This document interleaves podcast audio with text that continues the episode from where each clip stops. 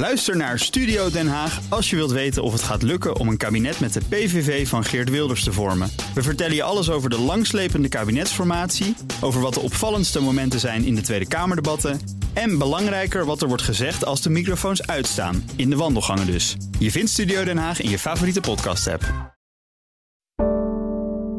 Een goedemorgen van het FD. Ik ben Paulien Swuster en het is vrijdag 18 november.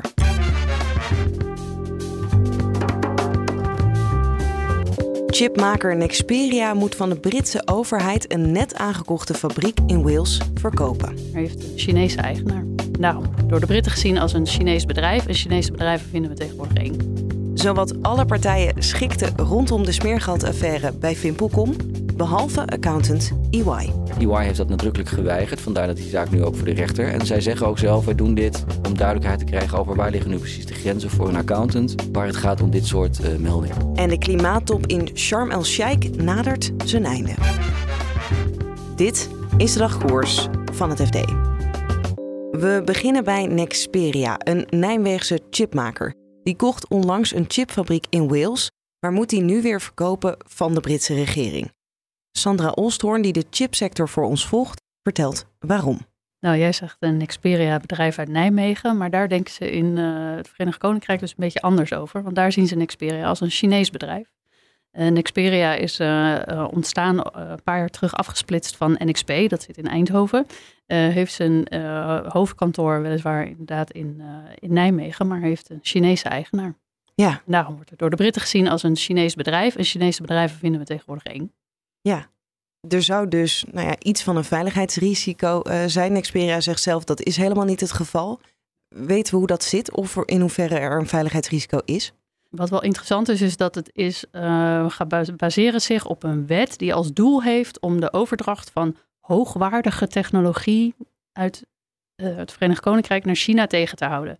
Maar als je gaat kijken naar die fabriek in Wales, waar het hier over gaat, ik ben er nooit geweest, dus ik kan niet weet er niet helemaal het fijne van. Maar wat Nexperia in ieder geval zegt, en waar het wel blijkt, is die technologie is, ja, uh, elke, elke chipfabrikant is bijzonder, zeg maar. Maar het is niet uh, de processor in je iPhone. Het zijn relatief recht toe recht aan chips die daar gemaakt worden. Het is hele oude technologie waar weinig uh, speciale kennis voor nodig is om, om die te maken.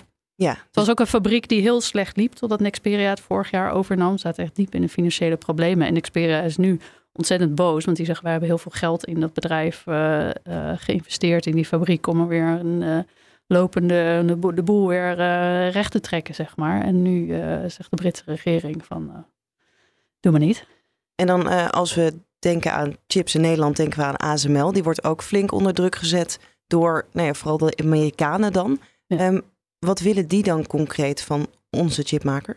Of chipmachinemaker moet ik zeggen. Dat lijkt iets heel anders, maar het heeft wel, wel degelijk allemaal met elkaar te maken. Want het is inderdaad, nou ja, je ziet steeds meer Nederlandse bedrijven nu zeg maar, in een geopolitieke steekspel getrokken worden rond de chipindustrie. En het Westen dat wil dat de Chinese op, technologische opmars moet vooral gestuurd worden. Dus dat is een beetje de link tussen die twee zaken.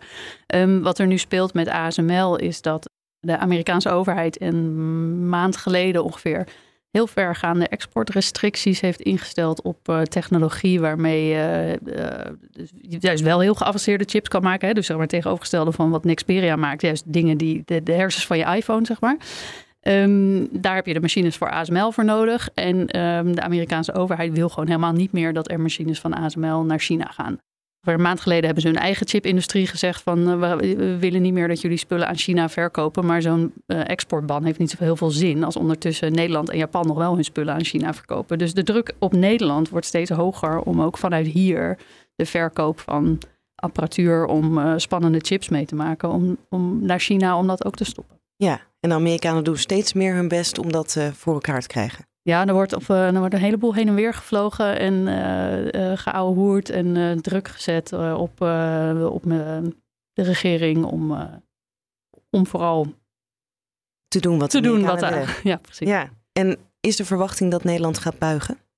Ja, dat is heel lastig te zeggen. In, in Den Haag is het echt um, alles zit op slot, zeg maar. Je hoort er niks over.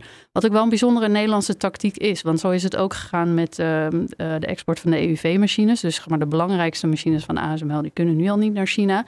En Nederland heeft zich daar eigenlijk nooit over uitgesproken. Dus ASML krijgt geen vergunning van Den Haag om die spullen naar ehm, eh, China te, te verkopen.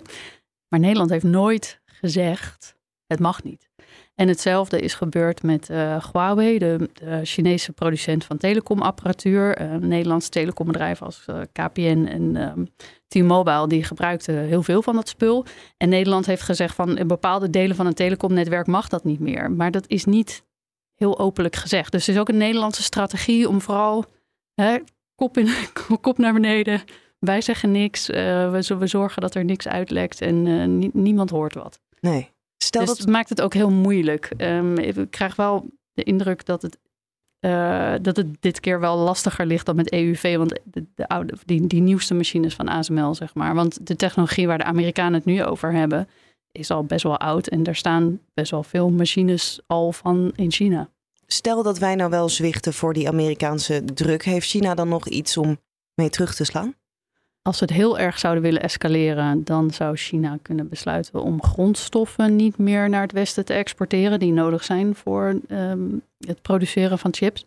Maar ja, daar schieten ze zichzelf dan ook weer mee in de voet, want in dat geval um, uh, krijgen ze helemaal geen chips meer. En China heeft het Westen toch ook nog steeds heel hard nodig. Um, andere dingen, analisten die je spreekt over deze situatie, wat zou China kunnen doen, is bijvoorbeeld juist heel um, groot worden in die minder geavanceerde chips. En dan hebben we dus weer over bedrijven als Nexperia, de markt waar die actief zijn. Als China daar heel erg groot in wordt en westerse bedrijven de markt uitduwt, dan wordt het Westen hartstikke afhankelijk van China voor die chips. En we zijn allemaal heel erg gefocust op de super geavanceerde chips, maar jouw iPhone werkt ook niet zonder die hele basic chippies. Die gewoon maken dat je oplader doet. De smeergeldaffaire rond telecombedrijf Vimpelcom is voor de Nederlandse opsporingsdiensten de grootste omkopingszaak ooit. En bijna tien jaar nadat de field voor het eerst inviel, stond accountantskantoor EY voor de rechter. Redacteur Martijn Pols was er gisteren bij en vertelt eerst even waar de zaak precies over gaat. Korte versie van dat hele lange verhaal van toch alweer een jaar of acht geleden is dat een van origine Russisch telecomconcern in Oezbekistan een licentie wilde voor, uh, voor 3G en 4G telefonie. Vimpelcom was op dat moment in Nederland gevestigd, in Amsterdam, uh, met zijn hoofdkantoor. Werd ook gecontroleerd door EY Accountant in Nederland. En betaalde, bleek later, uh, honderden miljoenen aan smeergeld uh, in Oezbekistan om die licentie te krijgen. Dat deden ze via Gibraltar, via een bedrijf wat op naam stond, of naam bleek te staan van de dochter van de president breed uitgemeten ook dit verhaal, want uh, dat begon ooit in 2014 met een inval van de Nederlandse Field in Amsterdam bij Vimpelcom. En eindigde met, uh, met een reeks aanschikkingen voor honderden miljoenen, onder meer van uh, ING. maar ook door Vimpelcom en een Zweedse partner van, van Vimpelcom. Ja, dus die record witwasboete van ING van 775 miljoen, die gaat deels over deze zaak. Een van de vier uh, dossiers die aan die schikking ten grondslag uh, heeft gelegen, uh, is inderdaad Vimpelcom geweest. En dat maakt dus inderdaad dat een deel van de schikking van ING, die inmiddels nou bekend is, terug te voeren is op deze, op deze zaak. Ja. ja, en vooraf wisten we niet precies wat EY verweten werd. werd dat duidelijk tijdens de zitting? Ja, zeker. dat gaat over een meldplicht die banken hebben, maar ook accountants en ook bijvoorbeeld advocaten.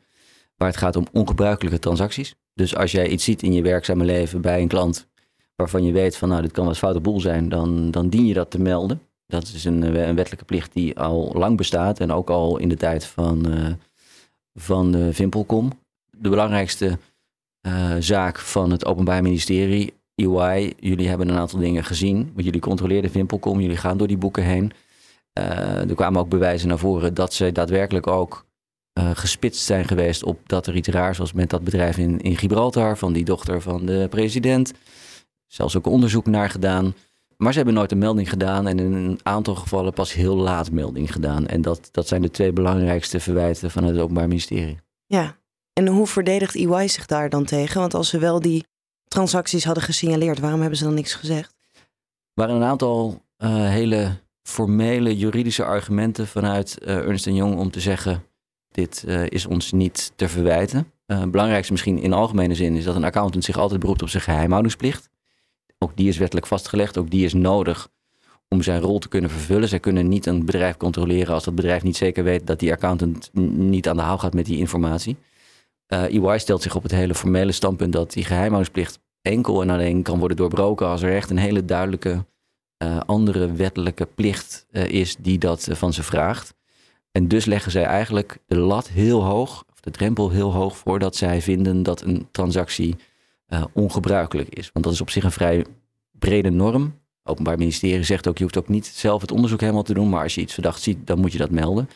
Banken doen dat ook duizenden keren per jaar inmiddels.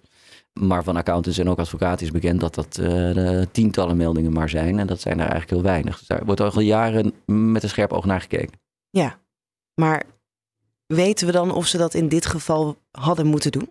Het Openbaar Ministerie stelt zich heel nadrukkelijk op het standpunt dat ze dat zeker hadden moeten doen. Uh, vanaf een bepaalde datum, ook dat is dan wel weer complicerend, maar vanaf 2013 was EY als accountantskantoor verplicht om dit te doen. Voor die tijd was het kantoor niet verplicht, maar daarom is het kantoor nu ook aangeklaagd. Uh, dus dat maakt het ook nog wel interessant, want een deel van de transacties die gemeld hadden moeten worden zijn van voor die datum. Maar los daarvan is het nu de vraag van gaat de rechter mee in, in, in wat het Openbaar Ministerie zegt, een, een, een cultuur die er niet op gericht was om te melden, maar eigenlijk om precies tegenovergestelde proberen te doen. Namelijk zo lang mogelijk en zoveel mogelijk bewijs te verzamelen waarom je niet hoeft te melden. Ja, en dit kan dan, neem ik aan, ook consequenties hebben voor andere partijen die wel of geen ongebruikelijke transacties moeten melden. Ja, dat is ergens wel de winst van deze zaak, die eigenlijk helemaal niet voor de rechter had hoeven komen als EY in 2018 ingegaan was op een schikkingsvoorstel. EY heeft dat nadrukkelijk geweigerd, vandaar dat die zaak nu ook voor de rechter. En zij zeggen ook zelf, wij doen dit om duidelijkheid te krijgen over waar liggen nu precies de grenzen voor een accountant, waar het gaat om dit soort, uh, dit soort uh, meldingen. Dus dat is, uh, dat is een belangrijke zaak die dus om die reden ook door de hele sector wel op de voet wordt, wordt gevolgd naar wij begrijpen. Omdat dat, ook al zijn het oudere feiten, ook nog steeds nu geldt dat die accountant af en toe een melding moet doen. Maar wanneer en hoe en, en, en waar ligt die grens, dat, uh, dat zal nu duidelijk worden. Ja, dus financieel misschien ook wel verstandig geweest van EY. Want ze hadden toen kunnen schikken voor 7 ton. En nu wordt ja, iets minder dan 2,5 ton boete gevraagd. Klopt, ja, de eis vandaag was dat er uh, voor drie transacties uiteindelijk uh, 80.000 euro per stuk uh, wordt, wordt gevraagd aan boete. Dat klinkt heel laag, ook die boete is inmiddels verhoogd naar 10% van de omzet. Dat had miljoenen kunnen kosten, maar in dit geval moeten ze zich houden aan de oude regels, omdat dit oudere transacties zijn. Maar ja, onder de streep, even als een accountant gerekend, was het 7 ton, is het inmiddels mogelijk 243.000. Maar als het aan, uh, aan EY zelf ligt, uh, is het nul. Want zij hebben zich wel op standpunt gesteld dat ze helemaal niks fout hebben gedaan. En dan gaan we tot slot naar onze klimaatverslaggever Orla McDonald, die nog steeds op de klimaattop in Egypte is. Officieel zouden de slotonderhandelingen donderdagavond moeten beginnen en op vrijdag zou er een slotakkoord moeten liggen. Omdat landen het nog altijd oneens zijn met elkaar, verwacht eigenlijk niemand hier dat de deadline van vrijdag echt wordt gehaald. De meeste mensen die ik spreek zetten in op zaterdagavond en misschien zelfs zondagnacht. Toch loopt het hier in Sharm el-Sheikh leeg. En dat komt omdat deze klimaattop naast een onderhandeling tussen landen ook een grote netwerkbijeenkomst is. Die mensen die hebben hun vlucht naar huis geboekt en of de klimaattop nou uitloopt of niet, zij gaan. Het netwerkgedeelte van de klimaattop is dit jaar in Sharm el-Sheikh veel groter dan op de klimaattop vorig jaar in Glasgow. Landen en organisaties die kunnen hier een zogeheten paviljoen kopen. Ondertussen komt er een vliegtuig over. Uh, dat is ook bizar hier. Dat zul je nu waarschijnlijk horen. Maar dit conferentiecentrum ligt gewoon vlak naast het vliegveld. Dus één keer in zoveel tijd moet iedereen stoppen met spreken omdat je elkaar niet meer kan verstaan. Um, waar was ik? Ja, dat het ongemakkelijk voelt dat de oliestaten waar veel geld zit, dat zij daar ook gebruik van maken door enorme paviljoens te bouwen, die nog het meeste weg hebben van de vliegvelden die je ook wel eens in Arabische landen ziet. Uh, bijvoorbeeld glinsterende vloeren, veel zwart en wit en spiegels. En de wifi die doet het daar, gek genoeg, ook altijd het beste. Sommige mensen die ik spreek, die zeggen dat dit echt de slechtst georganiseerde top ooit is. Um, een klein lichtpuntje. Vandaag was er een onderontje tussen de Chinese klimaatgezant Xi Zhenhua en de klimaatgezant van de VS, John Kerry. En dat was de tweede keer sinds de onmin over Taiwan dat de landen in het openbaar toenadering tot elkaar zochten op het gebied van het klimaat. Uh, misschien brengt dat nog wat positieve stemming in deze laatste dagen van de klimaattop.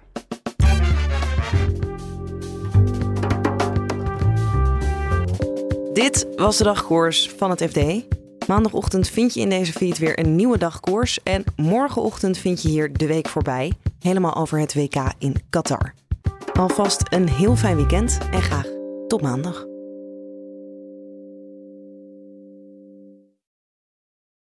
Ook Diana Matroos vind je in de BNR-app. Ja, inderdaad. Je kunt live naar mij luisteren tijdens de Big Five. Ook handig in de BNR-app. Breaking nieuwsmeldingen, maar ook het allerlaatste zakelijke nieuws. En je vindt in de app alle BNR-podcasts, waaronder Wetenschap Vandaag. Download nu de gratis BNR-app en blijf scherp.